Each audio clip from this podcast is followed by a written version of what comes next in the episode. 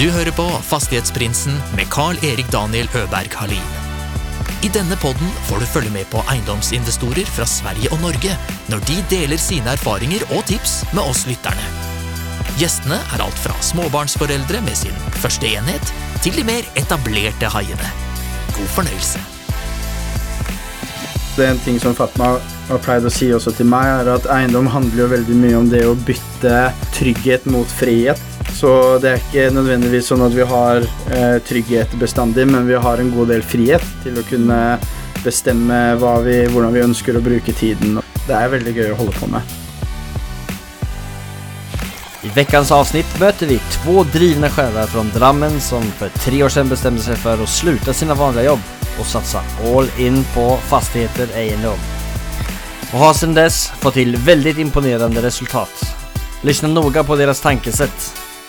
Vi välkomnar veckans gäster Ole Petter Kristiansen och Fatma Demirel. Tusen takk. Ja, här sitter ni i den flottaste studion som eh, vi har spelat in den här podcasten i. Ja, det er helt riktig. Så vi har forberedt oss godt. Ja, ja, men det ska ni ha, verkligen. Eh, ljudtätt. Det, här kommer det inte in, in några lyd i vart fall. Nei, jeg tror vi har fått lydisolert ganske godt her med dyner og det som er. Så det blir i hvert fall Ja. ikke noe romklang, tenker jeg. Top state of the art innspilling, tror jeg. Yes. Ja. Nei, har ni haft en bra dag hittils? Ja, syns det. Det har vært en ganske vanlig dag for oss. At vi liksom Ja. bare tar opp PC-en og begynner å jobbe med litt eh, ting. Fikser litt leiekontrakter, ser på litt mail, Mm. betaler litt regninger. Ta en rask, eh, rask titt på finn.no. Ja. Ja. Så det er jo en ting som er deilig med eiendom, at vi jobber jo mye, men, men allikevel så styrer vi jo ting litt selv. Så det å f.eks. kunne starte arbeidsdagen hjemme er jo kjempefint. Så du får på en måte en litt sånn fin start på dagen, da, syns jeg. Ja. Mm. Är det hovedsaken til at ni eh, begynte med eiendom, eller hvor, hvor var det ni kom inn på tanken å starte med eiendom? Har ni noen erfarenhet av det fra tidligere? Eh, Jeg tenker at eh, motivasjonen har vært mye av det, ja. Eh, Fordi at eh, vi er veldig utradisjonelle mennesker, så det, jeg har jo jobba i åtte til fire-jobb eh, som sykepleier i 13 år. Ja. Og til slutt så fant jeg liksom en gyllen vei inn til dette her, da. Så da føler jeg at jeg har kommet på riktig sted. ja. Så absolutt, ja. Mm. Jeg føler jo det er en ting som Fatma har pleid å si også til meg, er at eiendom handler jo veldig mye om det å bytte eh, trygghet mot frihet. Så Mm. det er ikke nødvendigvis sånn at vi har eh, trygghet bestandig, men vi har en god del frihet til å Mm. kunne bestemme hva vi, hvordan vi ønsker å bruke tiden og Så ja, det er veldig gøy å holde på med. Det er nesten eh, en boktitel det där. Ja, ikke sant? Ja, når du, fort, når du skjønner fort at den tryggheten er ganske falsk, Ja. så er det ikke så trygt allikevel. Nei. Mm. Nei, nei, nei, men jeg skjønner hva du mener. Man er ansatt så lenge som man er brukbar i det man er ansatt. Mm. Absolutt. Kan kan ni eh, ta en eh, snabb beskrivning om hvem ni er? Hvem er Mm. Ole Petter og hvem er Fatma? Kanskje du skal begynne, da. Ja, jeg kan jo si at jeg er egentlig, som jeg pleier å si, en eh, dame i gata. Jeg har eh, basically mastergrad i sykepleie. Mm. Har eh, tre barn og, og bosatt i Drammen. Begynt med eiendom for tre år siden ca. Vært ute etter å kunne drive med mitt eget. Men det skulle være liv laga. Jeg har prøvd meg et par ganger innen business, men jeg har lært masse. Ja. Eh, og det er denne gangen jeg føler at jeg har fått eh, ganske god eh, vind i seilene, da. Mm. Så, så um, det er egentlig en energisk dame som uh, har mange baller i luften på en gang. Ja, Og det er jeg egentlig veldig glad for. ja. Mm. Det er meg. Ja. Og så er jeg 34 år, da. Ja. Ja, jeg er Ole Petter, 26 år og kommer opprinnelig fra Drøbak.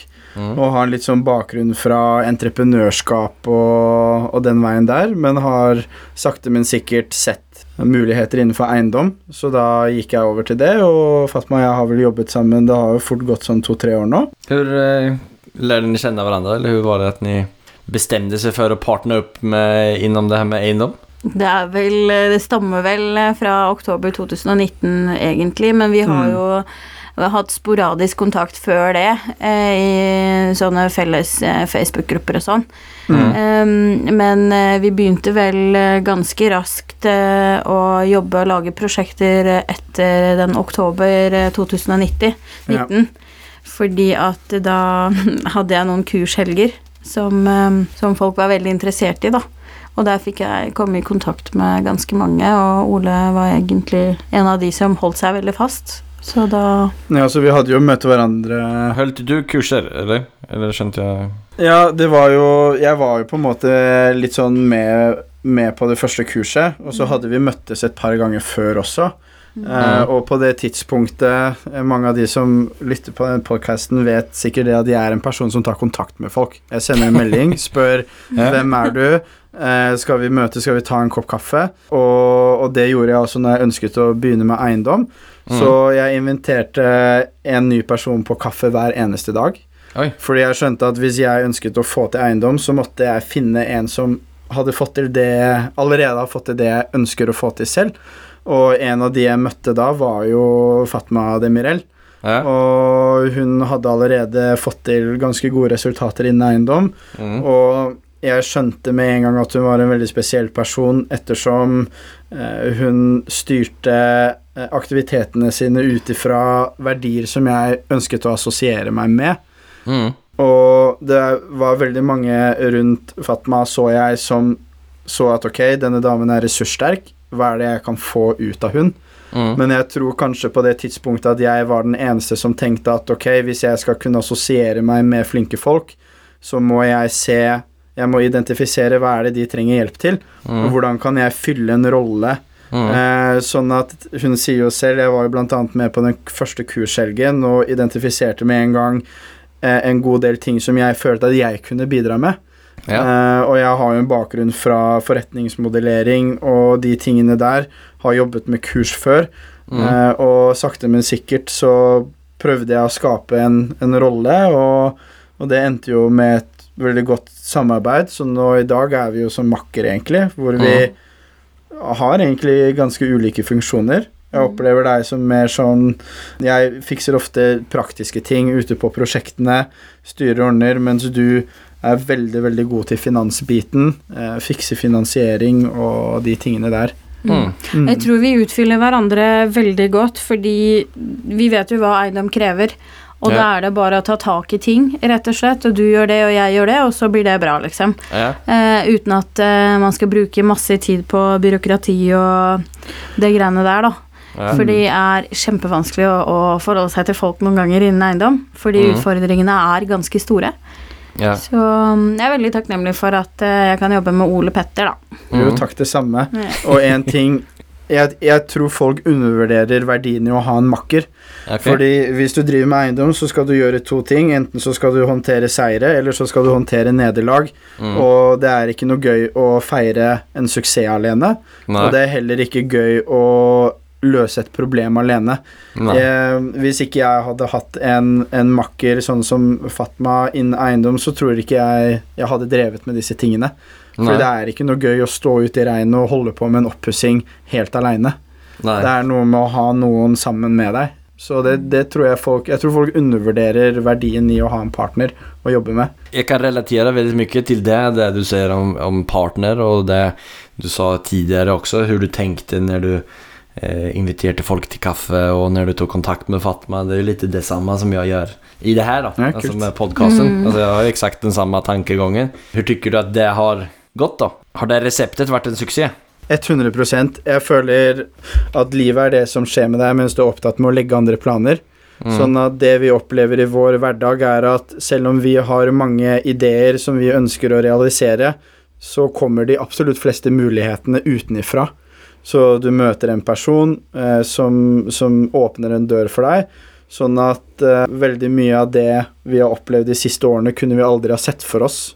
Nej. Så, så absolutt kjempeviktig, tenker jeg, å møte nye folk. Man, man må aldri undervurdere folk. Du vet ikke hvem du har foran deg. En person du tenker at kanskje ikke er ressurssterk i det hele tatt, kan åpne ti dører for deg, mens en som virker veldig ressurssterk, er helt motsatt. Mm. Så vi er åpne for å bli kjent med hvem som helst, egentlig. Mm. Jeg, jeg opplever det som at den økonomiske friheten kom faktisk til meg den dagen jeg skjønte at uh, mine problemer eller utfordringer går ikke an å løse med penger.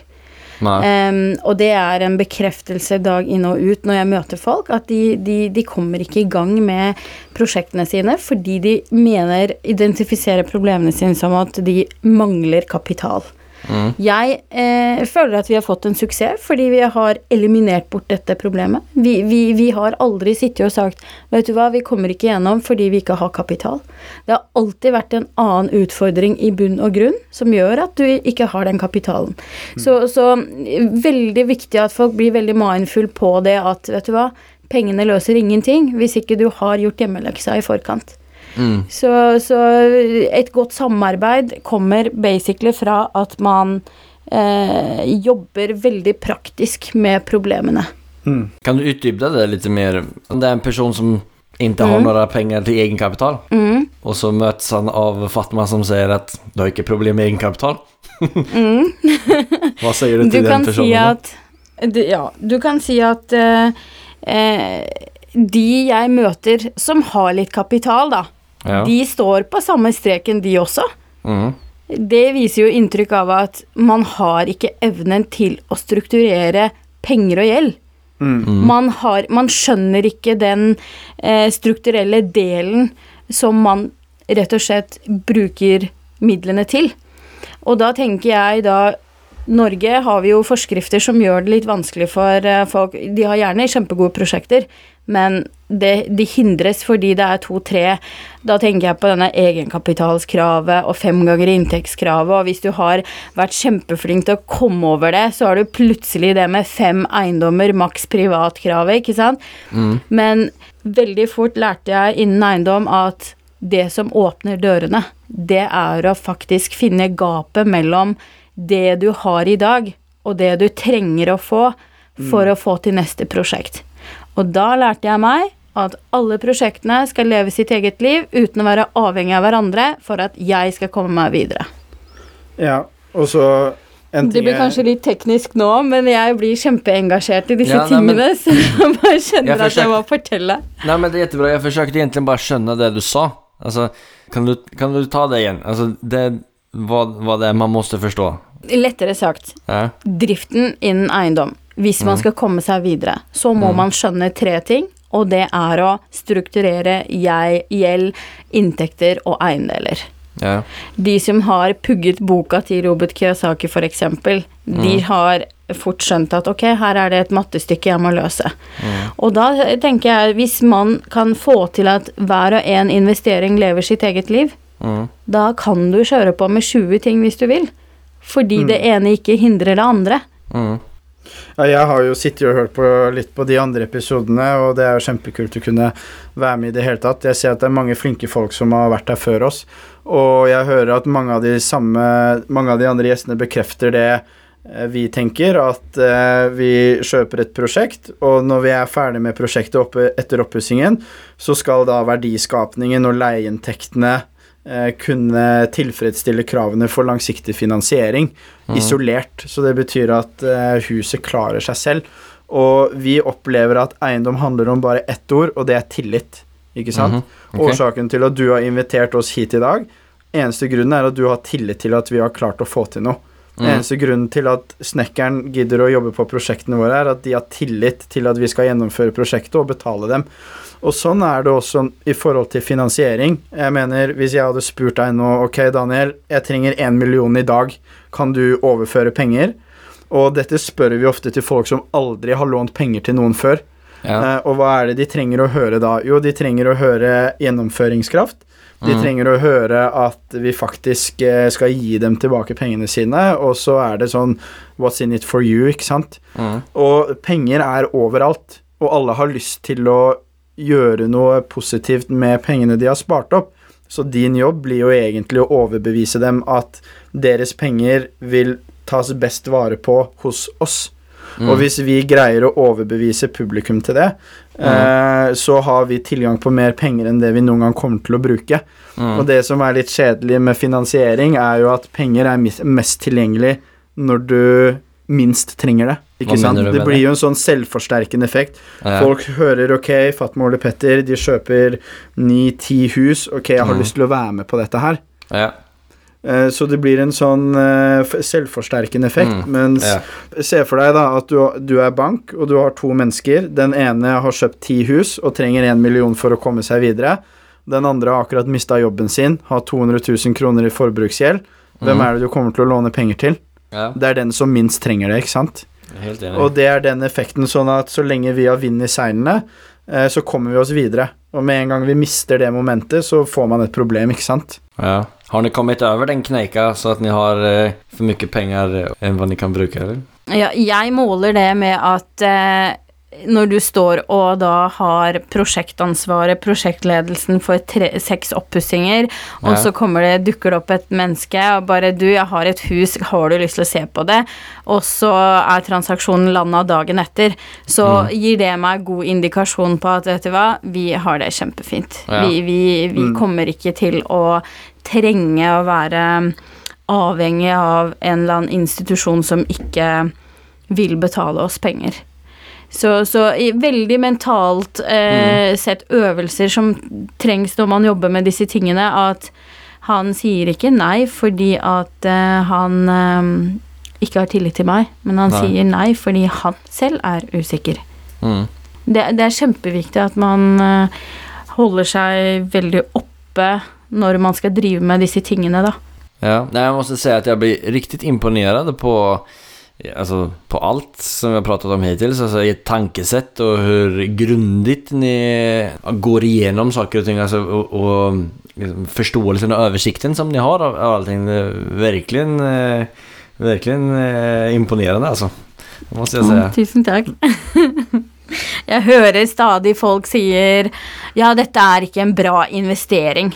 Ja, Ok, huset er bygd i 1900-tallet. Verdenen den gang så helt annerledes ut enn i dag. Og da er det jo veldig svakt å si at dette huset ikke er en god investering. Det som skal gjøre det til en god investering, er jo nettopp deg og dine verdier. Så jeg har aldri sett et hus som ikke er en god investering. ok Veldig, veldig merkelig å, å Ja, altså- tenke, men Ja, folk venter jo Hør nå, folk venter på den perfekte investeringen. De skal ha riktig pris, de skal ha riktig plassering, de Ja. skal ha riktig objekt. Alt skal klaffe. Men selv om Du, du, du kommer ikke til å få alt på en gang. Nei. Det kommer alltid til å være et eller annet. Eh, og mens folk sitter og venter på den perfekte muligheten, så kjøper vi hus. Og de er ikke perfekte, Nei. men vi gjør i hvert fall noe, ikke sant?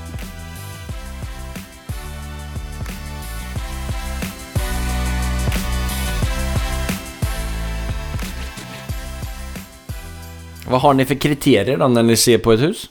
Låt säga att ni har sex olika kriterier, eller de här boksene boxarna ska checkas av.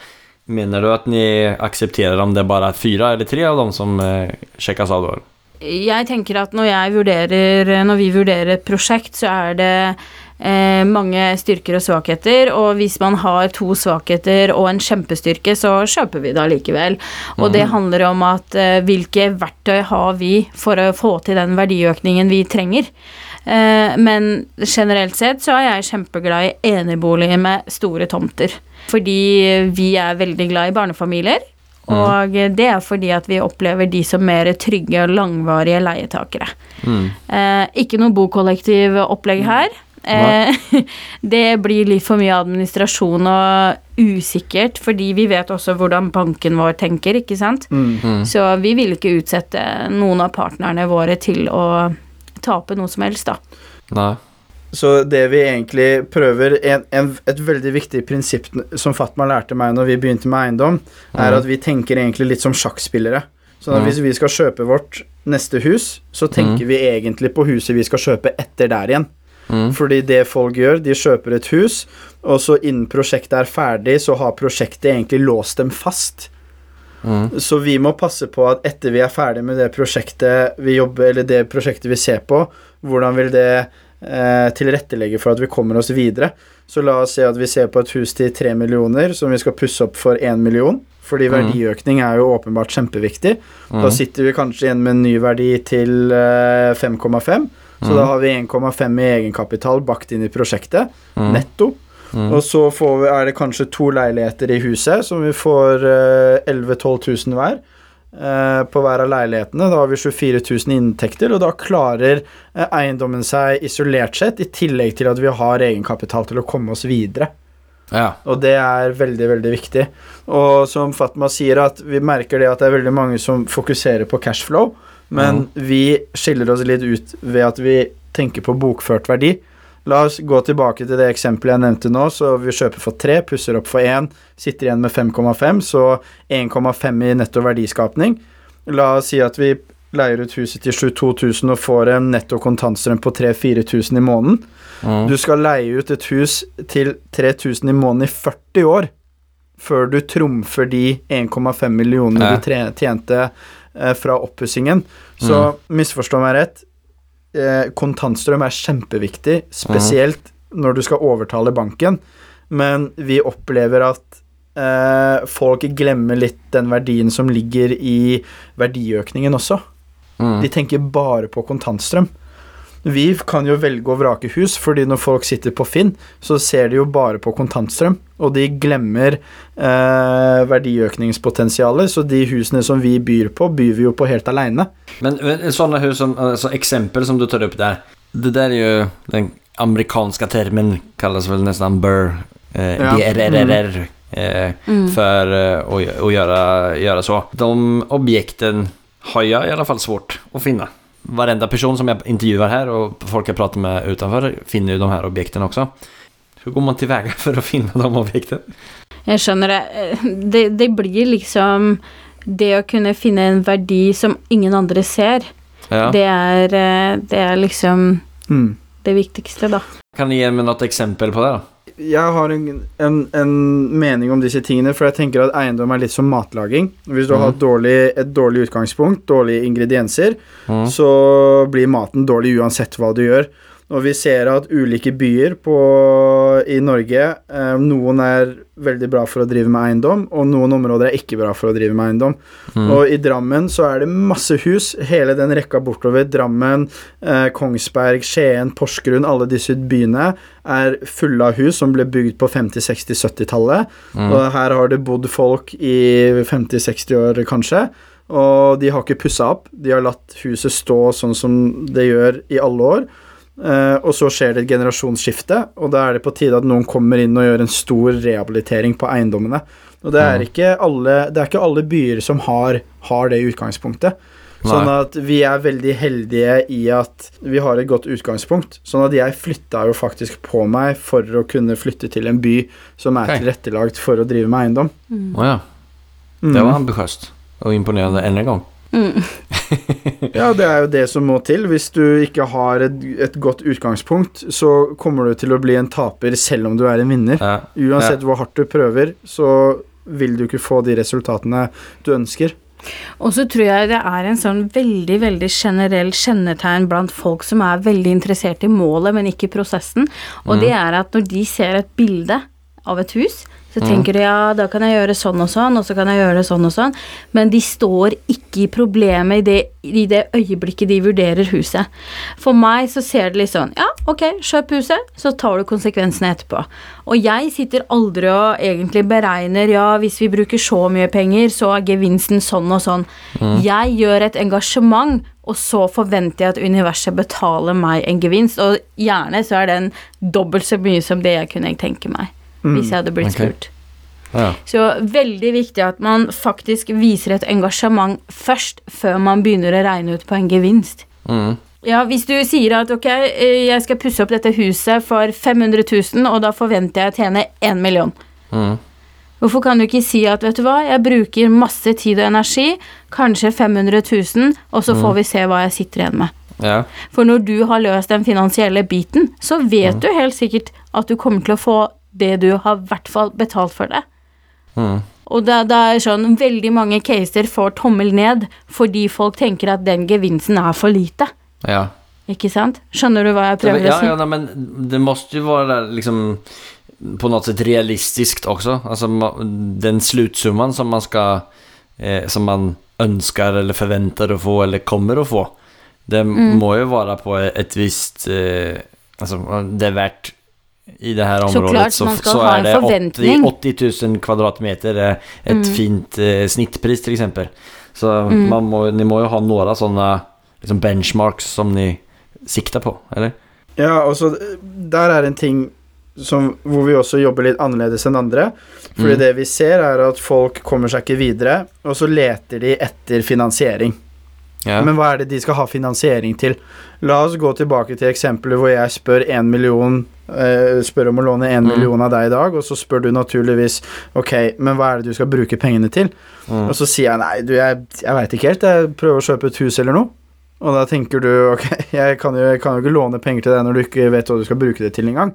Sånn at vi får tilgang på huset, og så går vi for Mm. å finne finansiering. Så sier vi Daniel, se på dette her, vi har fått tak i et hus. Mm. Det koster så og så mye. Vi har tenkt til å pusse det opp for så og så mye. Se her. Her er leieinntektene for eh, området, og her er eh, forhåndstakst. Er dette noe du kunne tenke deg å, å bli med på?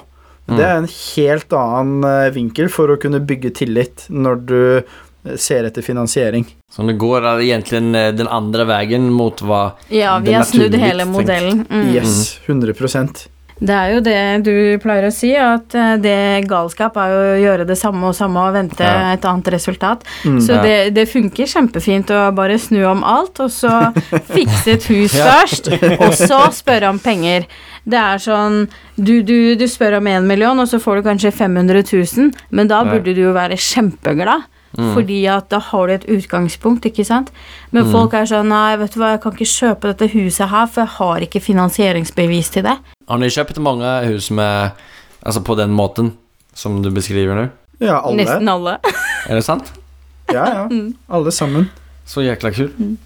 Mm. Ja, for det er også en sånn forestilling som jeg har haft som jeg nå fikk peta hål på. At det er svårt att liksom få med, ska man säga, andra folk på sina investeringar om man inte har så superstort track record. Nu har ju ni samlat på er ett större track record än vad jag har då. Men, eh, eller den första gången är alltid den första gången.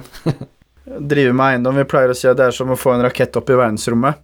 Ja. Når du kjøper din første bolig, så kommer det til å være like vanskelig som å kjøpe ti boliger på en gang, litt Ja. lenger ned i veien. Mm. Bare det å lese når du skal kjøpe din første bolig, bare det å lese en kjøpekontrakt kommer jo til å gjøre deg så sliten at du må legge deg til å sove etterpå. Ja. Men sakte, men sikkert så blir ting lettere. Du lærer, Mm. du lærer deg prisene på Byggmax, du blir kjent med snekkerne, du får Mm. tillit til banken, du vet hva du skal se etter. Du Mm. vet plutselig hvor mye en oppussing koster. Eh, Mm. Så ting, blir, ting løsner opp, ikke sant. Eh, Så det blir bare lettere og lettere og lettere. Og det er jo derfor vi prøver å Vi anbefaler folk til å starte rolig.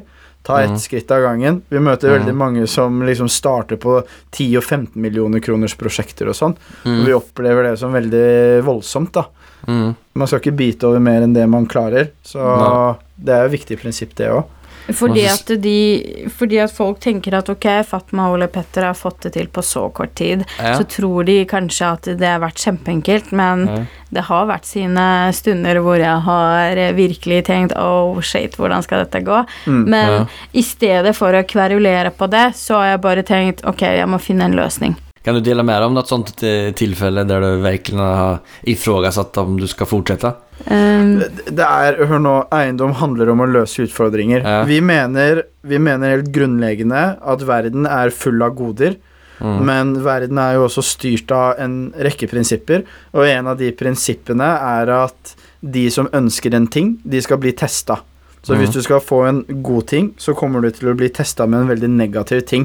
Mm. La oss si du har en Facebook-gruppe med 1000 mennesker som driver med eiendom. Mm. Alle har lyst på ti hus, Mm. og alle skal testes på ulike måter, og det er kanskje de tre, fire, fem menneskene som står igjen, og som består alle testene, de skal få alle husene.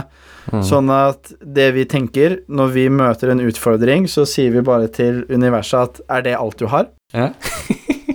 Magisk. Så ja, så det er sånn vi tenker. Vi tenker at Ja. hvis du ikke liker å løse problemer, så må du mm, dessverre finne noe annet å holde på med. Ja, ja. Fordi det, det det, det du egentlig sier, er at man må stå i det som med allting annet. Altså, ni var inne på det nyligen Ja. også. At man, det handler egentlig bare om mengdetrening. Du blir, du blir helt sliten første gangen. Andre gangen gången. Mm. går det litt lettere. Tredje, fjerde går det Mm. kanskje enda mer smooth. Ja, når ting blir vanskelig, og jeg mener ikke at det bare blir litt ubehagelig, jeg mener når du tenker at dette er, kommer ikke til å løse seg, Ja. da er det veldig mange som tenker at det er et symptom på at noe er feil, Ja. men det er bare universet som tester deg på om du skal få den tingen eller ikke.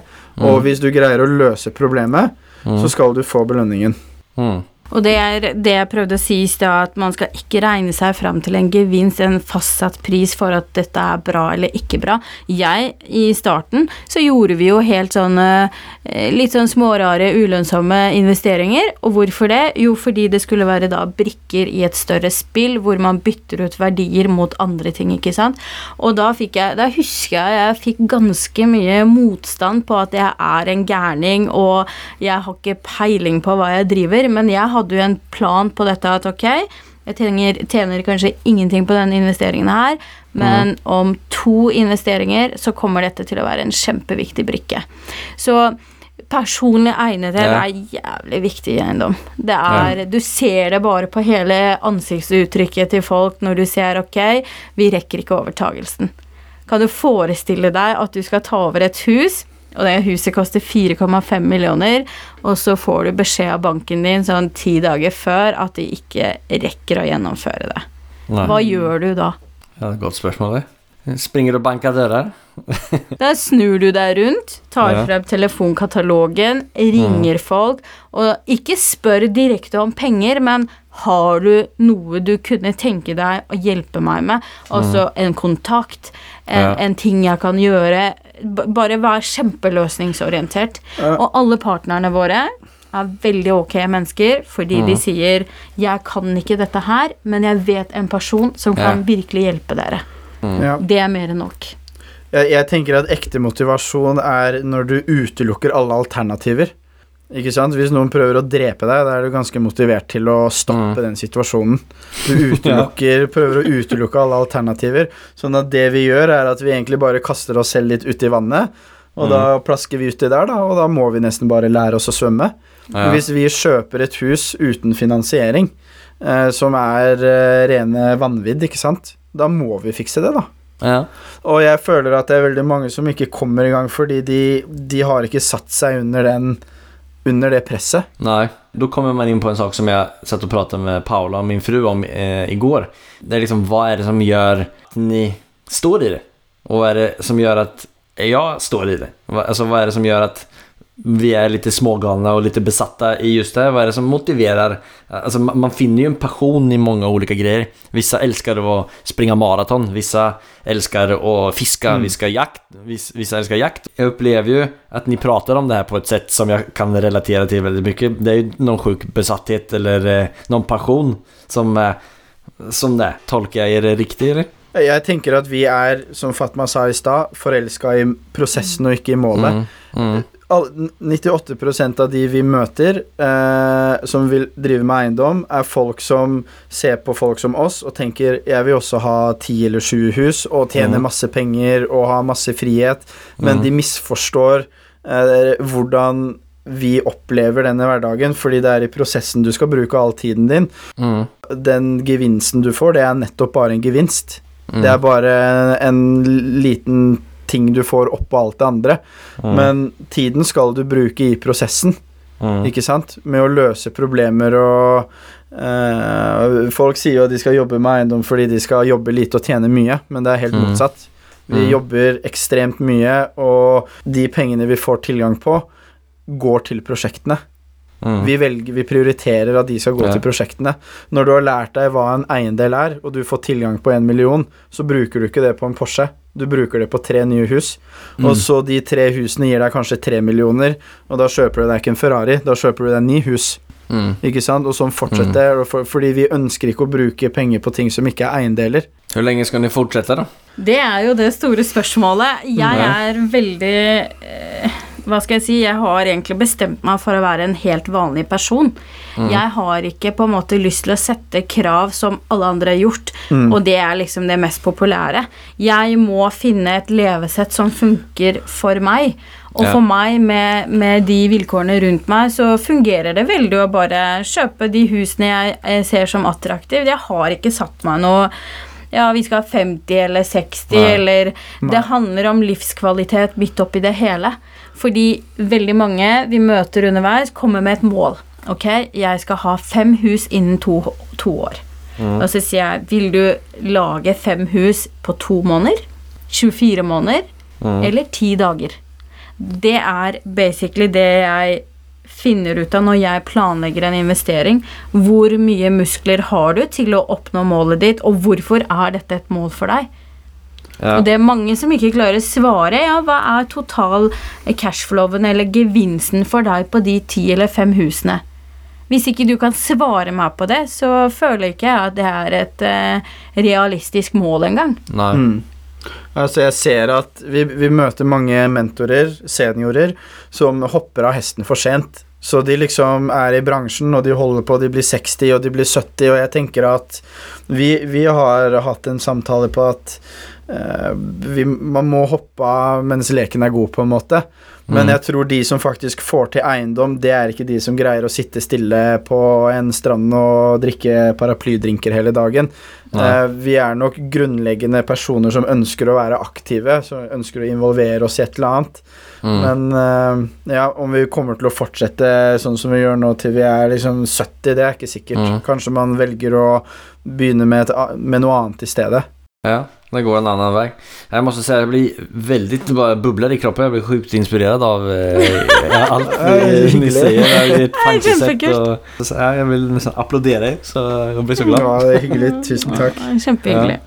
Det er faktisk sannheten. Det er Ja. ingenting spesielt med det vi driver med, egentlig. Sånn, vi, har, vi er bare helt vanlige folk som gjør uh, ting som er forefallende på prosjekter, og Ja. ja, kanskje har en litt annen forståelse for det med verdi, da. Ja, vi er ikke så kine på penger, sånn sett. Nå har vi jo jobba med eiendom i to-tre år sånn seriøst, og det å tenke at vi har kjøpt ti hus det siste året, er faktisk helt sjukt å tenke Ja. på. Og det er Ja. som Fatma sier, vi er jo bare vanlig dødelige. Og det er Mm. vår største fordel og vår største forbannelse, at folk tror at vi kan gjøre ting lettere enn dem. Sånn at de liksom lemper over kjempestore problemer til oss, fordi de tenker at ja, hvis uh, Fatma og Ole Petter er på saken, da løser det seg sikkert kjempeenkelt. Mm. Vi er jo som alle andre, liksom. Det er jo ikke noe forskjell mellom oss og andre. Det er Ikke noe trylletriks her. Nei. Nei. Det er bare masse motivasjon og kjempehardt, fokusert, målretta arbeid hver eneste dag. Hur var det det starta da? Hva var, hva var det første huset som ni kjøpte som investering? Og når var det? Alle hus er jo investering, så Ja. det blir liksom litt uh, Du kan si at eh, det begynte for min del Jeg kjøpte over barndomshjemmet mitt for eh, mange, mange år tilbake, og det var egentlig midt under finanskrisa i 2008, hvor mine foreldre hadde også en del eiendom som de fikk beskjed av banken om at nei, det, nå må dere selge. Mm. Og da hadde jeg litt oppsparte midler, så da tenkte jeg ja, ja, jeg får bare kjøpe, jeg, da. Så det blir i familien. Og så gikk det ti hele år uten at jeg faktisk rakk å tenke tanken om å gjøre noe innen eiendom. Så jeg fikk eh, familie og tre barn og jobba, ja. Og så plutselig en dag så tenkte jeg at nå må jeg gjøre noe. Og så gikk jeg selvfølgelig på samme smellen, da. Gikk til banken og skulle ha lån for å kjøpe hus, og da fikk jeg jo selvfølgelig nei. som eh, som uh, veldig kjent. Og så tenkte jeg ok, hvordan Til tross for at du må ha haft en del eiendeler som hadde vekst sin i tida? Ja, jeg hadde kjempehøy eh, verdi på leiligheten, for det hadde gått opp eh, Ja, jeg fikk jo vel leiligheten sånn rundt 540, kanskje, og så hadde jeg nedbetalt det på de ti årene, og så tenkte jeg at ok, nå har markedet gått opp litt, så kanskje Men jeg slo jo litt eh, gærent i forhold til inntekter, jeg, da. For jeg hadde Ja. jo bare en sykepleieinntekt, ikke sant. Så tre barn og bil og alt mulig annet. Så, så da tenkte jeg ok, hva er det jeg kan kjøpe, da? Mm. Ikke sant? Og da sa de ja, vi kan maks gi deg én million. Hva gjør jeg da? Jeg gikk rett inn på Finn og fant meg ting som kosta én million, da. Ja. Jeg brydde meg ingen verdens ting om hva det var. Om det var leilighet eller hytte eller noen ting. Så kjøpte jeg da en liten hytte for 1,1 million. Ja. Og så gjorde jeg egentlig ingenting annet enn å feriere der eh, et par uker.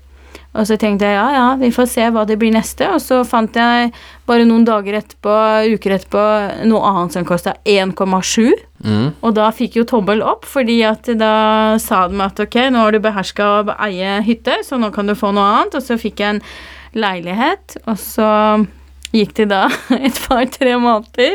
Da hadde jeg endelig oppgradert meg til en enebolig.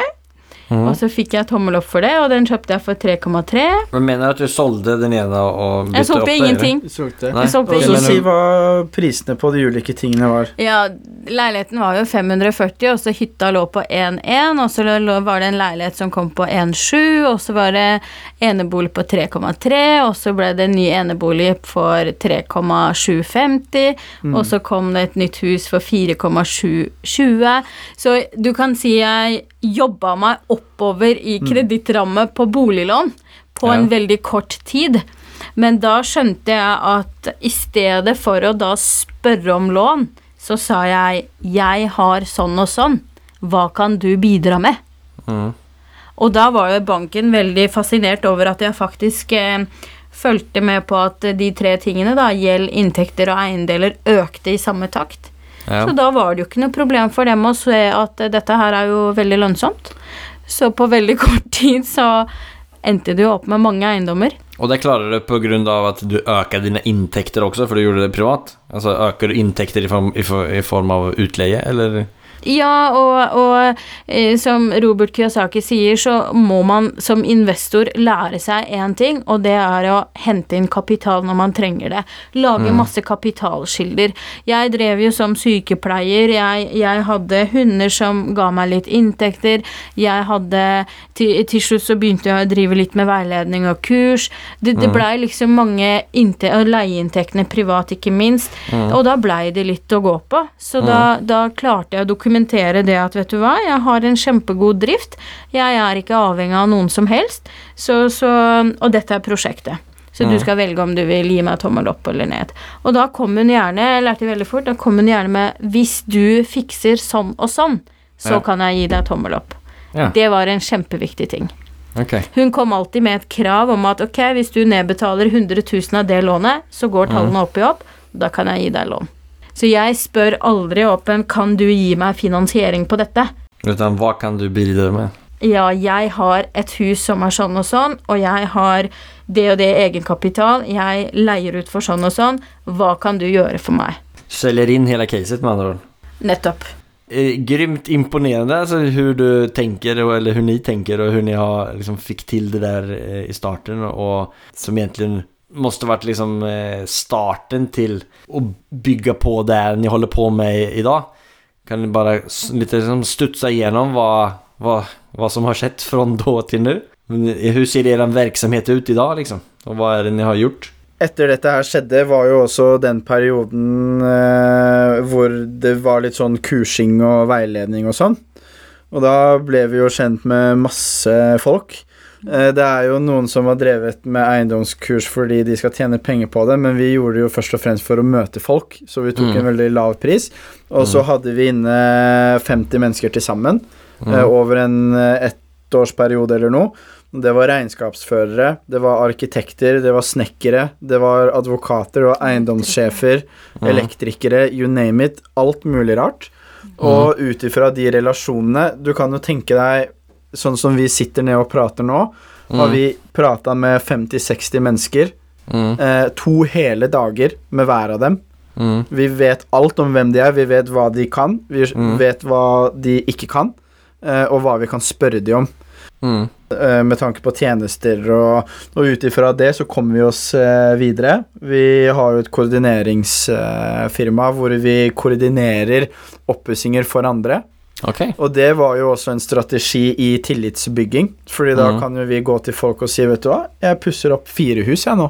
Mm, Fire eneboliger. Og det er jo ikke våre eneboliger engang.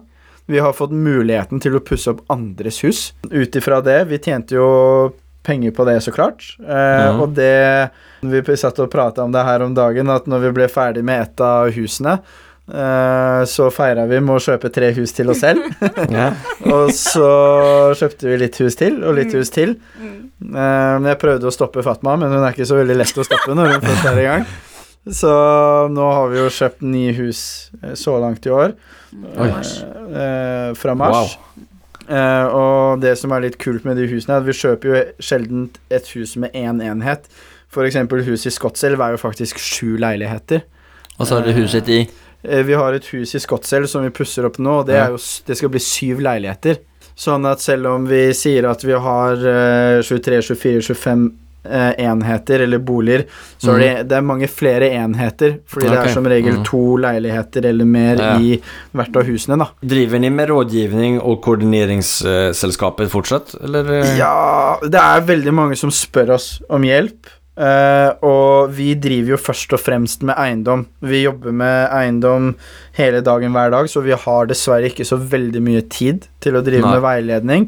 Men vi prøver en gang iblant å kunne sette av et par timer til én-til-én uh, type veiledning for typisk folk som står fast fordi de ikke får finansiering, så de trenger å komme seg videre.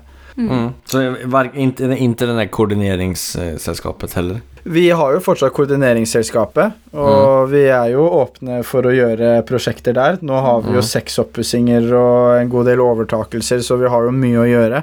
Ja. Men uh, vi er jo alltid åpne for samarbeid, så hvis Mm. noen trenger veiledning eller oppussing, så Mm. er det alltids mulig å se på hva man kan få til.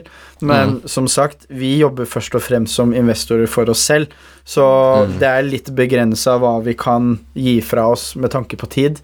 Mm. Men eiendom er bygget på tjenester mot tjenester, så det er veldig viktig for Mm. oss å kunne hjelpe, de, hjelpe folk, da, hvis vi kan. Jeg har jo sagt det flere ganger, jeg er riktig imponert over alt som dere har fått til fram til nå. Og skjønner jeg det riktig, altså ni jobber 100% med det her nå, eh, begge to. Ja, vel så det.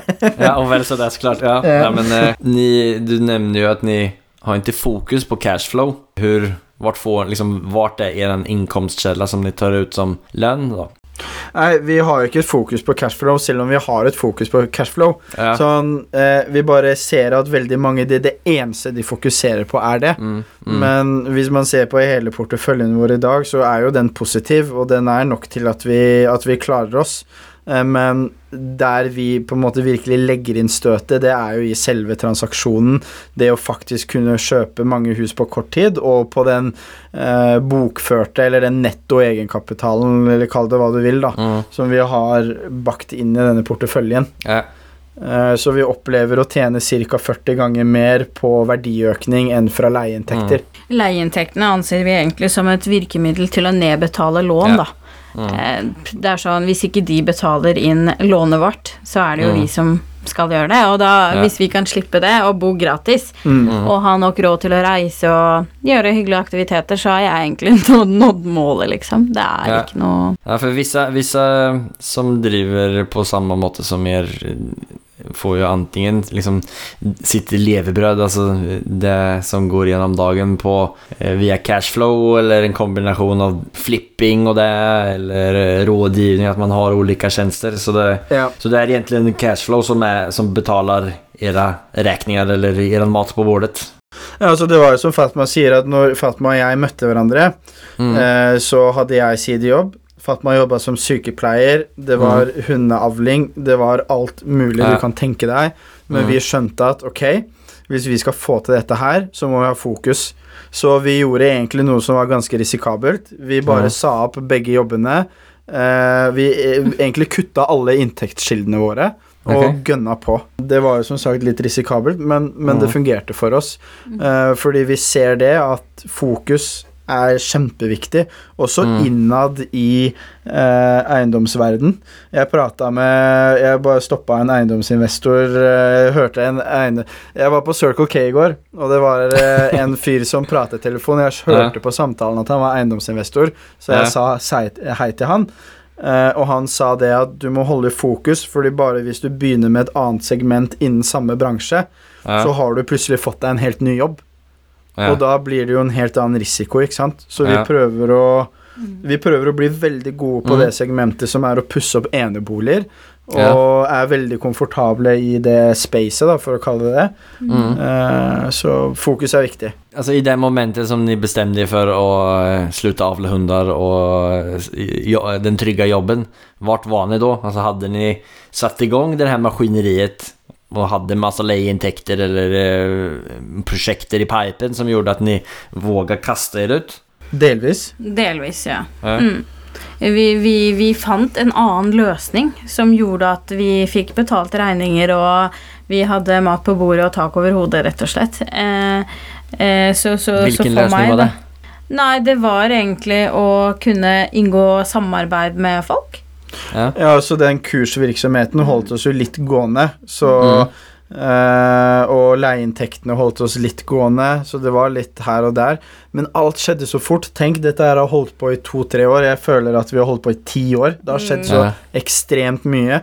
Så bare den overgangsfasen fra et eh, vanlig liv til å satse på eiendom, bare det tok jo sikkert bare et par måneder. Selv om det skjedde ekstremt mye i den perioden. Mm. Vi, vi begynte jo å vi, vi hadde et mål om å kunne lønne oss etter et år, men vi begynte jo mye fortere enn det. Fordi da Og når du jobber så hardt uten å tenke på ok, har jeg nok råd til det, da har du plutselig Der er penga, liksom. Det handler om å gi masse først, og så Mm. kommer resten. På hvilket sett gav ni masse først, da? Det var arbeidsoppgaver som ja, misforstå meg, er drittoppgaver som få- du omtrent ikke får folk til å jobbe og gjøre for deg, men der sto vi. Ja, men jeg ønsker å skryte litt av Fatma der, fordi når jeg møtte hun, så merka jeg med en gang at som sagt, hun er styrt av veldig gode prinsipper. Og Fatma er en sånn type menneske som kan flytte fjell for å hjelpe noen uten å spørre om noe tilbake. Og det er et sånn prinsipp som hun har levd med hele veien, at jeg får det jeg ønsker meg, når jeg hjelper nok andre mennesker i å få det Mm. de ønsker seg. Mm. Eh, sånn at det har jo på en måte vært en visjon i disse kursene og veiledningen at vi, vi ønsker faktisk virkelig å hjelpe folk, at det har vært Mm. målet, og vi eh, Og det, det føler jeg har gitt oss mange fordeler senere, da. Ja, At vi har samla opp mye goodwill hos folk, rett og slett. det der merker jeg jo selv, og det er jo samme verdier som jeg har. Og mm. jeg opplever at det er mange som anvender det också. Eh, Men det skiner Mm. ju fort igenom hvis det inte är genuint. Som jag verkligen Mm. upplever att det är med, med, med er bägge to. Har ni något exempel på där eh, någonting som ni har liksom lagt in massa gratis eh, kärlek och tankar som på något sätt bara kom tillbaka utan att ni visste att det skulle komma? Ja, jeg har mange. Ja, bare de oppussingene og Mm. utleggene Det er jo så rart at eh, jeg ser for meg selv som en liten prikk i universet, ikke sant. Jeg får Mm. ikke til noen ting. Mm. Det er et helt annet spill. Og, og når, jeg, når du møter en snekker da, som sier at vet du hva, jeg kan ingenting annet enn å snekre, men jeg kan gjerne snekre for deg hvis du hjelper meg med å kjøpe en leilighet. Og da kan du sette det i kontekst, ikke sant. Den jobben han gjør, er eh, ikke en sånn beskytta tittel eller noen ting, men hvis jeg måtte gjort det, så hadde jo jeg sikkert blitt gal for lengst, ikke sant. Mm. Men vi hadde et eksempel her for ikke så lenge siden hvor vi egentlig hjalp en familie med å kjøpe en eh, tomannsbolig. Mm. Det gikk veldig raskt, for vi strukturerte bare eiendelene og, og, og fikk tatt tak i leieforholda og litt sånn. Og så kommer da mannen på døra og sier, vet du hva, jeg skal pusse opp et hus for dere. Fordi dere har eh, hjulpet meg med noe jeg følte var kjempevanskelig. Ja. Og da, det er Altså, folk er så Ja. Da sto han der i seks til åtte uker, da. Ja, det er helt rått. Det er helt Og det er sånn Du får omtrent bare sånn Vær så snill, ikke, ikke gjør det mer. Dette her, Ja. det, det blir for Nei. mye, liksom. Ja. Men, men ja. Ja, Mm. Det er liksom, Eiendom kan være en veldig brutal bransje, og du, du må liksom bestemme hvem er det jeg ønsker å være i denne bransjen. Og vi ønsker jo, vi tenker jo at suksess først og fremst er å ha det bra. Så Mm. vi behandler all, hele nettverket vårt med, som, som vår egen familie. Vi vil ha det gøy, liksom. Vi vil ha det bra, vi vil passe på hverandre, vi vil kunne spise middager sammen. Ellers blir det veldig ensomt i tillegg, da. Du, du får jo masse verdier, men du får jo til slutt ikke venner. Du, Ja. du, du blir veldig usosial av det å drive med eiendom alene. Mm. Mm. Så jeg har jo bare hengt med folk på fritida og liksom Ja. Ja. Eiendom er bygget på tjenester mot tjenester, Mm. og det gjelder å ha gode intensjoner. Vi har møtt Mm. som sagt, flere seniorer som driver med eiendom, og de har kanskje 100 millioner kroner på bok, men de har, jo, har det jo ikke noe bra. Du ser de har det ikke noe bra. Uh, man møter de, og de er helt aleine i husene sine. Ingen kommer på besøk. Mm. Ingen er villig til å hjelpe dem, og jeg er helt sikker Mm. på at disse menneskene De hadde gitt bort pengene sine på sekundet hvis de kunne byttet det mot å ha det bra igjen. Mm. Og få tilbake vennene sine og Ja. Mm. eh, Så Så det er vi litt nøye på, da. Ja, men jeg digger dere prioriteringer. Helt rått. Eh, Bra hvordan dere tenker. Jeg forstår at ni har klart av å få til det ni har fått til på så kort tid. Takk for det. Ja, det er så mye som vi skulle kunne gå igjennom. Vi har snakket om veldig mye bra hittils og det fins rom for eh, fler intervjuer i samtal med er, kjenner jeg, så der legger jeg den i bakfickan.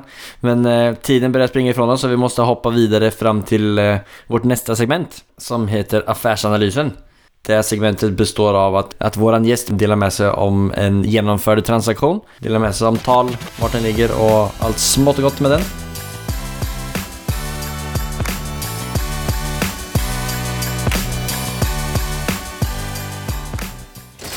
It has not been easy for me. And, you know, I, I started off in Brooklyn. My father gave me a small loan of a million dollars. Affärsanalyse. Har ni tenkt ut noen spesielt deal som ni vil dele med dere om? Vi kan jo ta Naumanns gate, kanskje. Ja, Naumanns gate er uh, en fin eksempel, det. Ja. Da tar vi, navn, da tar vi Namnas gate, da. Ja, vi pussa opp eh, Bromannsgangen 17, eh, Mhm. som er i Drammen sentrum, en tomannsbolig. Og på Mhm. andre siden av gata så vi et hus, et gammelt, slitt hus, som heter Ja. Naumanns gate 13. Og Ja. vi tenkte ok, vi har lyst til å pusse opp det huset også. Så vi tok kontakt med selger, eh, eh, inviterte inn megler og fikk en takst på tre millioner på det huset. Men eh, selger ønsket ikke å gå med på det. Og vinteren eh, gikk, og dette var vinteren nå til frem til i år. Mm. Og i løpet av denne perioden har det tydeligvis vært da en svær vannlekkasje i hele huset. Og da så selgeren sitt snitt til å begynne å rive litt og styre og herje, sånn at de kanskje kunne få et nytt hus fra forsikringsselskapet. Ja. Men dette endte jo med at forsikringsselskapet sa at uh, det er ikke sånn det her funker, så her har dere 150 000 og lykke til. Uh, og på det tidspunktet kunne man se helt opp fra loftet, helt ned til kjelleren. Jeg, det er sånn Noen ting må du bare se sjøl. man kan ikke finne på disse tingene her. Så vi uh, inviterte megler tilbake igjen. Fikk Ja. ny takst på 1,3 til 1,5. Så okay. uh, vi sa til dem vi kan by dere 1,5, og da takket dem ja. Så da fikk vi jo et hus til 1,5 i eh, rabatt. Drammen sentrum. Ja. Eh, midt i Drammen sentrum, ferdig revet. Det er jo en ting som vi har brukt masse tid på tidligere, å rive huset og gjøre det klart for å bli bygd opp igjen. Mm. Eh, og vi har fått en forhåndstakst på det huset eh, på 5,5 millioner. Mm. Eh, vi regner med at vi ikke kommer til å bruke mer enn 2 millioner på å pusse det opp, så da er maks kostnad på hele prosjektet på 3,5 ca. Ja. Og det blir nok en enebolig med utleiedel. Ja. Eh, hvor eh, vi får ca. Ja, ca. 20 000-22 000 i inntekter. Så Mm. det kommer til å rulle og gå kjempegreit. Kult. Har ni begynt med den oppussingen, eller har de Ja, så vi har begynt nå. Selv om de hadde revet alt inne, så var jo ikke ting revet ute, så vi har fjerna kledning. Mm. Eh, hagen har stått og gjort sin greie. Det har vært masse trær der og stort gjerde rundt. Eh, så vi har fjerna gjerdet og fjerna garasjen og trærne og alt sammen. Og nå er det egentlig klart å bli bygget opp igjen. Mm. Og vi skjønte på starten av året at vi begynte å høre rykter om dette med materialprisene. ja. Så det vi gjorde, er at når vi hadde uh, penger tilgjengelig, så kjøpte vi hva var det, ti trailere med materialer. uh, så vi lever fortsatt på de materialene den dag i Ja. dag. Så vi Ja. har et eh, eh, Så rundt på de ulike prosjektene så står det liksom Vi har et svært rom med bare isolasjon. Vi Ja. har sikkert 15 paller med Grymt, altså. eh, lekter. Vi har Ja. fem paller med laminat osv. osv. osv. Men Det var jo risikominimering. Hvis, hvis man går tom for varer, ikke sant. Så forestill deg hvor mange faggrupper det går utover hvis Mm. vi står og pusser seks sted, og så Nei, vi finner ikke flere planker. Da, da stopper jo alt opp. Ja. Så, så det var litt, eh, litt av en del av planlegging og mini, minimere risikoen på at eh, vi leverer et produkt, ikke sant. Men bortsett fra, bortsett fra den biten, da, altså hvor mye tror ni at ni sparte i Hvis ni hadde kjøpt materiale i dag? Ja, vi er veldig gode venn med de som jobber på Byggmax i Krokstadelva. Eh, Så de ga oss informasjon om at det var et opphørssalg på en Byggmax i Hønefoss. Mhm. Og da fikk vi egentlig 25% på alt vi kjøpte. I, I tillegg til at tillegg. dette var før eh, prisene gikk opp. Mm. Så vi kjøpte vel varer for 600 000-700 000, som i dag kanskje ville vært verdt 2-2,5 rundt der. Så, men, det var på, jo- men det var jo på den runden. Etter det så gikk vi jo til Bauhaus, og vi gikk til andre steder, og det tok litt av en liten stund der. Men, men da fikk vi Men det var jo en intensjon ved det, Fordi da fikk vi sikra oss materialer. Fordi vi skjønte vi skjønte at dette kommer bare til å fortsette 30 nye prosent prisøkning. Det, det var jo sånn det ble. Det var jo to, tre, fire runder med 30 prosent prisøkning. mm. Så når vi pussa opp huset i fjor, så kosta jo kledning eksempel kosta 17 kroner, og nå koster det liksom 40-50. 40-50. Oi. Ja. Det er jo arbeidskostnaden som er den dyreste uansett. Den er jo Ja. vesentlig dyrere, i hvert fall dobbelt så dyr som regel som materialene. Men den prisøkningen som har vært, da, altså øker det upplevelsen det øker eller verdet på huset øker i takt med den prisøkningen på materiell som har vært? Å ja. Ja, jeg veit ikke. Jeg tenker i hvert fall at det som skjer, er helt naturlige markedskrefter, og at det er ikke en vedvarende endring. Så vi Nei. bare venter på at prisene skal gå tilbake igjen. Vi er, vi er forberedt på at prisene skal stabiliseres, da. Hvordan finansierer dere denne här dealen da? Akkurat den er jo folkefinansiert, faktisk. Mm, Og det har vært et litt nytt kap kapittel for oss. mm. Har du lyst til å si litt om det? Mm, Ja. Det er eh, crowdfunding, og, og eh, du kan si at eh, som når du har gjort noen transaksjoner, da, så Mm. vet du hva slags fordeler og ulemper enkelte finansieringsmåter har. Mm. Og hvis du har et sånt prosjekt hvor du vet at ok, dette er pro produktet, det er det det skal gjøres, og dette her er strategien på hvorfor vi har kjøpt det, så er det mye lettere for oss å finne ut av hva slags finansiering som lønner seg å bruke i et sånt prosjekt. Og derfor, ettersom summen ikke var så veldig stor heller, så ville vi egentlig ikke bruke tiden for eh, tiden til våre flotte bankfolk til på, på et så lavt sum. Eh, for da, når vi drar til de, så skal vi gjerne ha 10 og 20 mil, ikke sant? Og da, de 1,5 mil de gikk bare på dagen når vi skulle ta over huset. Ja, med ok. crowdfunding, så, så det gikk kjempefort. Og det, det er 10% renter, kanskje, men det lønner seg i massevis. Ja, altså Det handler jo også om tillitsbygging, da, tilbake til det. Sånn at når vi har det huset her da, så har vi skaffa kortsiktig finansiering vel, gjennom crowdfunding. Mm. Eh, og så har vi da kanskje et år eller to på å ferdigstille prosjektet. Eh, og da kan vi gå til en ordinær bank for å få langsiktig finansiering. Men når Mm. vi gjør det, så har allerede alt skjedd. Da kan vi vise ny takst på 5,5.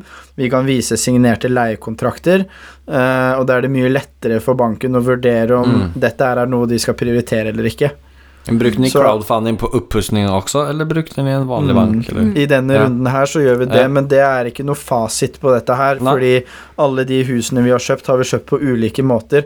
Så ja. de som sitter og hører på, må ikke tenke at ok, det er sånn Nei. de gjør det hver gang. Fordi Nei. det er det ikke nødvendigvis. Men bare så jeg skjønte, så ni, ni kanskje kanske runda ett, kjøpte ni själva huset og så fase två en til runda på crowdfunding. Nettopp. og så, som ni pusser opp det på. og sen efter et år eller noe sånt så er allting ferdig. Når jeg har begynt å leie ut den. da refinansierer ni med en normal tradisjonell bank. Exakt. Mm. Absolutt. Ja, ja men Mm. det, det er det der jeg hører, som mange sier, det handler om å være kreativ. Og det handlar om, og det der er et veldig kreativt sett og, som Mm. möjliggör det. Som du Fatma sa innledningsvis, at alltid prøve å finne løsningen på, på det. Mm. de, de folkene vi har vært gjennom med disse transaksjonene, det er ingen som ønsker at motparten skal Unnskyld uttrykket gå dritt. Nei. Alle vil veldig gjerne gjøre en avtale hvis det andre alternativet er at det motparten skal dø, rett og slett. Mm. Eh, jeg prøvde å gi deg et ganske vanskelig eksempel i stad med hva gjør du hvis du ikke får finansiering og du skal ta over om ti dager. Mm. Det er kjempe Folk blir sånn Å, shit, dette Det hadde er det verste som og, kan skje. Ja, ikke sant? Mm. Mm. Men da ringer du bare megler, og så sier du, vet du hva, det har skjedd et unntak, hva gjør vi nå? Kan du hjelpe meg med det? Og det er egentlig ganske enkelt. Han ringer selger og spør vedkommende har fått en tilleggsutfordring. Har du lyst til å utsette overtagelsen et par uker til? Mot en kompensasjon. Alle vil veldig gjerne gjøre en avtale, en deal, fremfor at de også går Ja, hva skal jeg si Men det har jo gått bra. Vi har jo klart oss, men vi gjorde en ting som kanskje ikke var så smart, og det var å sette overtakelse midt i fellesferien. Sånn at når vi da skulle deale med banken, og alle var jo på, på fjellet eller eh, Ja, så da måtte vi utsette litt. Det gikk ikke så greit, men det ordna seg jo til slutt, det òg. Men så alle som hører på, ikke ha overtakelse i fellesferien. Det er ikke, ikke bra. Ja. Men har ni kjøpt eller man får, man får vel inte, Altså, ni må jo ha haft noen type av finansiering först? Ja da. Altså, när Man har man fick det. Men hva, på, hva, var det som skjedde der, da? Du kan si at uh, den finansieringa vi har, da, det er at vi vet hva inntektene våre er, og hvor egenkapitalen er. Ja. Så, så når du viser da de rette dokumentene, så har du jo finansiering. Altså når du viser de rette dokumentene til banken Ja, hvis, eller til mekleren? kan som. Ja, si at huset du skal kjøpe, koster tre millioner, da. ja. Da vet du ok, hva er egenkapitalskravet? Det vet du at det er 15% på privat og gjerne litt høyere på bedrift. Mm. Og så vet du fem ganger inntekt, ikke sant? Mm. Mm. Da, da, det du må gjøre da, frem til overtagelse, er å faktisk innfri disse kravene.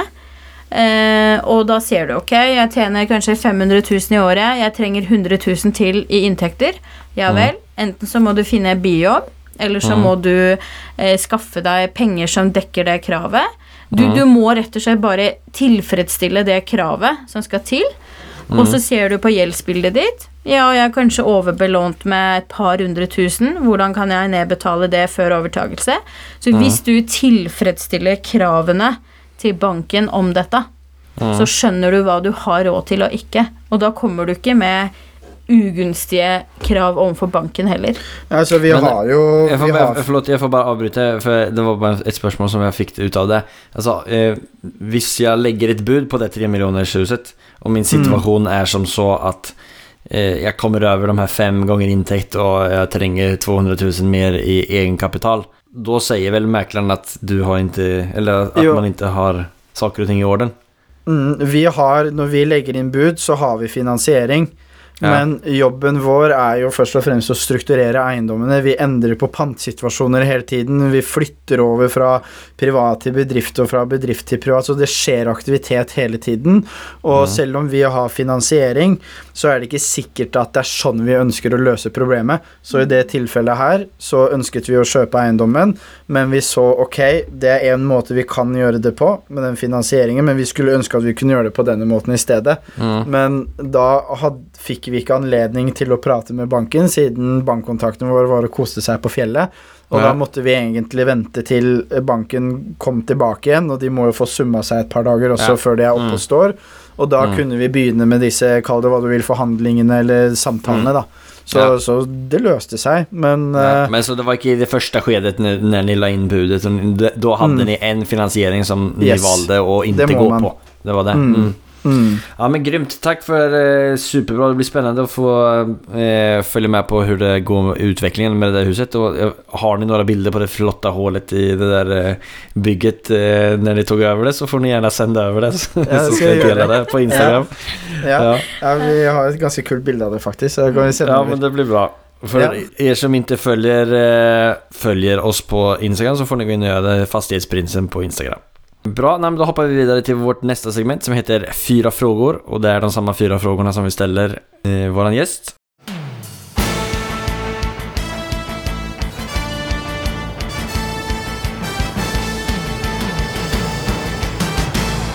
Cuatro preguntas. Och den första frågan är Vad är det som skiljer från en framgångsrik entreprenör mot en som inte lyckas, slutar eller aldrig kommer igång? At de slutter eller eller aldri kommer i gang. Ja. Det ligger jo i, det ligger i spørsmålet. De må gjøre noe. De må ta Ja. en beslutning, og så ta et valg. Mm. Det er Det er faktisk så bare lett. det. Bare velge et alternativ, og det er å Ja. gjøre noe hver eneste dag. Det er verdens beste svar det. Gjøre noe mm. hver dag. Mm. Magisk. Eh, andre spörsmålet. Om ni hade obegränsat med pengar och fick köpa vilken egendom som helst i världen. Hvilken hadde det vært? Altså, penger er ikke hovedmotivasjonen. Jeg tror jammen meg at jeg hadde valgt de samme eiendommene, altså. Ja. Jeg hadde tatt den eh, lille leiligheten, og jeg hadde Fordi den historien min er eh, Den er kjempefin. Jeg hadde ikke nok bytta ut den med noen Ja, andre. vi ser på de casene, og de gir mening for oss. Vi forstår Mm. dem, de er lønnsomme. Mm. vi greier å håndtere det, så Mm. som sagt, det er fokuset vårt. Og vi Mm. ville 100% fortsatt å velge de Mm. Ja. mulighetene. Hvis ni hade haft eh, ett, om hvis ni fick välja en eiendom som eh, var bare for nøye da, hvilken hadde ni valgt da? Jeg hadde tatt, jeg hadde tatt en bitte liten sånn eh, bobilsak. Jeg kødder ikke. Jeg er så lei av vasking at jeg hadde ikke tatt et stort hus. Veldig minimalistisk har jeg blitt nå. Ja, Ja. ja men det, det är eh, fint ja. Den tror jeg ikke jeg har fått noe svar på tidligere, så det er alltid fint med noen nye svar på det. Tredje spörsmålet. Bästa boktips for en som er interessert i eiendomsinvestering? Cashflow. Ja, cashflow 100% Med Robert Kiyosaki. Yes. Hva vad er det som slår den mot uh, Rich Dad Pauler da? Vi hører også flere som syns at den er bedre. Én ting er at den er på norsk, uh, det er en fordel, men jeg veit ikke. Den bare Det som gjorde veldig inntrykk på meg, Daniel, det var at når jeg satt og grubla på ok, hvordan kommer jeg meg over til AS, hvordan gjør jeg dette proft, så leste jeg nøyaktig den boka. Det var veldig tilfeldig at det, var- det var den dagen, eller det var den tiden, jeg eh, satt og grubla på det, og så sa jo han i boka hva jeg skulle gjøre, hvorfor jeg skulle ha dette AS-et. Og da tenkte jeg at ok, denne boka kan jeg faktisk følge hele veien. Og så er det et kjempefint kapittel hvor han beskriver de forskjellige typene investorer. Og der står det liksom sånn, uten at jeg leste hele kapittelet, så sto det sånn Hvis du er nummer fire, så kan du legge fra deg boka nå. For da du er en langsiktig investor, og da har du skjønt det. Ja. Og det var jo nøyaktig det jeg beskrev meg selv som også. Så det var kjempekult. Jeg, Ja. jeg identifiserer den jobben vi gjør, veldig med det, de, de tingene han sier i boka si. da. Mm. Og jeg tenker sånn, Hvis man skal gi ett tips, så er det å lese bøker, fordi det er der alle tipsene er. Mm. Både Fatma og jeg, vi, vi hører på lydbøker. Vi har mye tid som er tilrettelagt for deg. Hvis du står på prosjekter og jobber, Ja. lager mat, trener, kjører Mm. bil, hører på bøker hele tiden. Mm. Vi, vi hører på bøker om alle mulige temaer. Mm. Kanskje litt derfor vi liker eiendom også. Vi er nysgjerrige folk, ønsker å lære nye ting, ønsker å forstå eh, verden vi, le vi lever i, ikke sant. Så Mm. Det er ingenting som er nytt under solen. Hvis du ønsker å få til noe, bare finn noen som har fått til det du ønsker å få til. Mm. Forstå prinsippene dem, så bare kopier Mm. dem. Nei, vi har uh, veldig lik tankegang, merker jeg. Det liker jeg. Ja, Så det bare bekrefter at jeg, at jeg, er på rett spår så det er skjønt. Ja, så att jag inte är helt på vei ned for diket. Fjerde og siste spørsmålet til minimalisterna. Eh, Nämn den mest storartade, morsamma, minnesvärda måten du har feiret en gjennomført affär på. Mm. Ja, det må jo ha vært det som vi sa i stad, at vi var ferdig med å pusse opp et hus, og da kjøpte vi egentlig bare tre hus til. Ehm, og det er jo typisk sånn Fatma hun pleier å si sånn ja, Ole Petter, kan ikke vi, når vi er ferdig med de husene nå, kan ikke vi slappe av litt da? Og det eneste jeg kan gjøre, er at jeg kan bare klappe henne på skulderen og si ja, vi gjør det. Men jeg vet at det er hun som er problemet. Hun, hun kommer jo til å kjøpe flere hus. Det er jeg som prøver å stoppe hun, ikke sant? Ja, ja. Så Jeg klarer ikke å la være. Nei. Det er en avhengighet. Jeg skal lande i dealer, ikke sant. ja. Jeg skal ringe en fyr, og så sier jeg 'jeg kjøper huset ditt', og han skal bare si 'ok, greit'. ja. Det er liksom drømmescenarioet. Men det er jo det, det er den jakten, ikke sant. Det er Ja. kanskje en av de største gledene med, Mm. med å være i denne bransjen og jakte etter Ja. Uh, nye samarbeid og nye muligheter, og det er veldig gøy hvis man kan få til et samarbeid eller kjøpe et hus eller Ja, Mm. så sånn er det. Så må man fikse alle konsekvensene etterpå. Ja, Ja. ikke Og det er da jobben begynner. Ja. ja, men så bra. Det, skal, det er mitt mål også, det, Å fira eh, en gjennomført affære med å kjøpe tre nye. Det skal Ja. Mm. Skal, Gjør det. Da skal jeg ringe og takke dere for det. Ja, men superbra. Da nærmer Mm. vi oss slutet, dessverre, må jeg säga. Eh, några, några få saker här innan vi rundar av helt. Eh, Har ni några sista tips till alla som är nya investerare? Ja, egentlig. Veldig mye av det som hindrer folk, det er at de tenker at de skal løse alle problemene i det øyeblikket de møtes i banken. Glem det.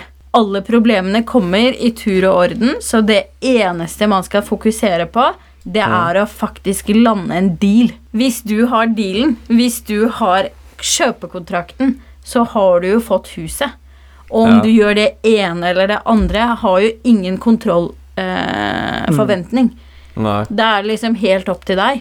Så hvis de klarer å lande én deal, Mm. så, så er det mer enn nok. Så kan de ta konsekvensene etterpå. Mm. Ja, men det är bare bara liksom att kom, komma igång eh, och Ja. inte hitta alla anledningar till att man inte kan eh, komma igång och att varför det kommer gå dåligt. Utan bara Mm. fokusera absolut. på det one thing och så bara kör. Mm.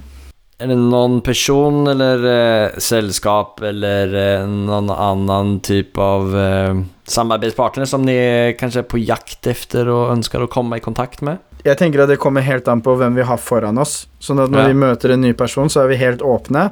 Eh, og så skjønner vi ok, alle har sine styrker, svakheter, muligheter og trusler. Mm. Så da blir vi kjent, og så ut ifra hvem vi har foran oss, så ser vi om de er en samarbeidspartner eller en långiver eller snekker eller elektriker.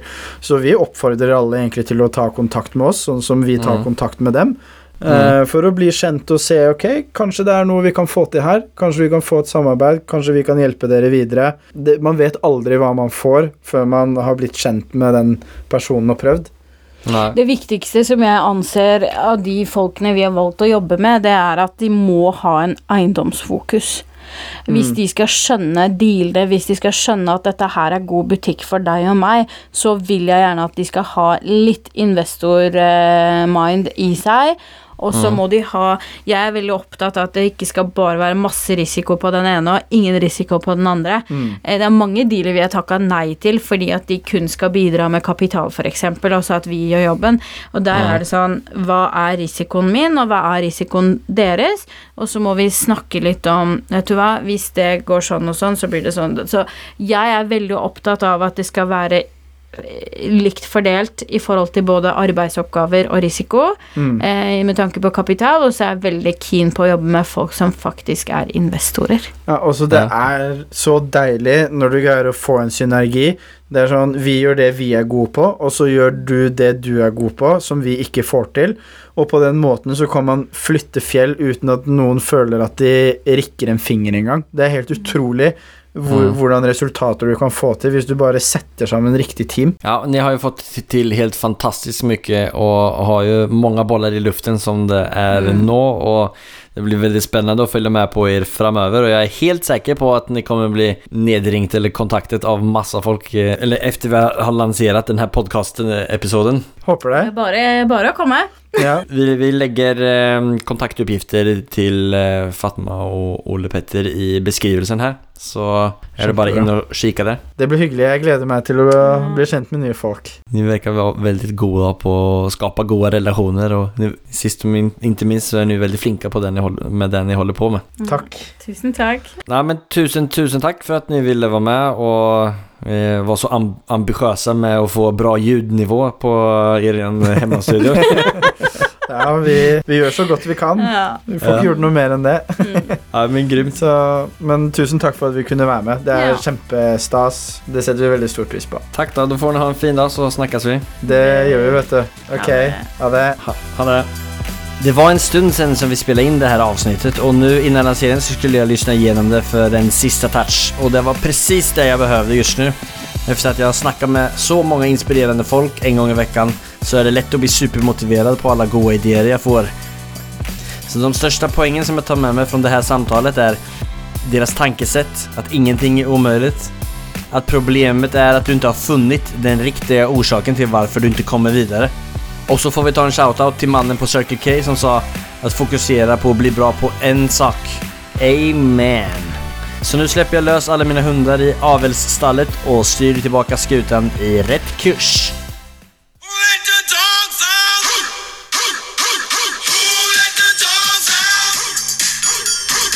Ha det!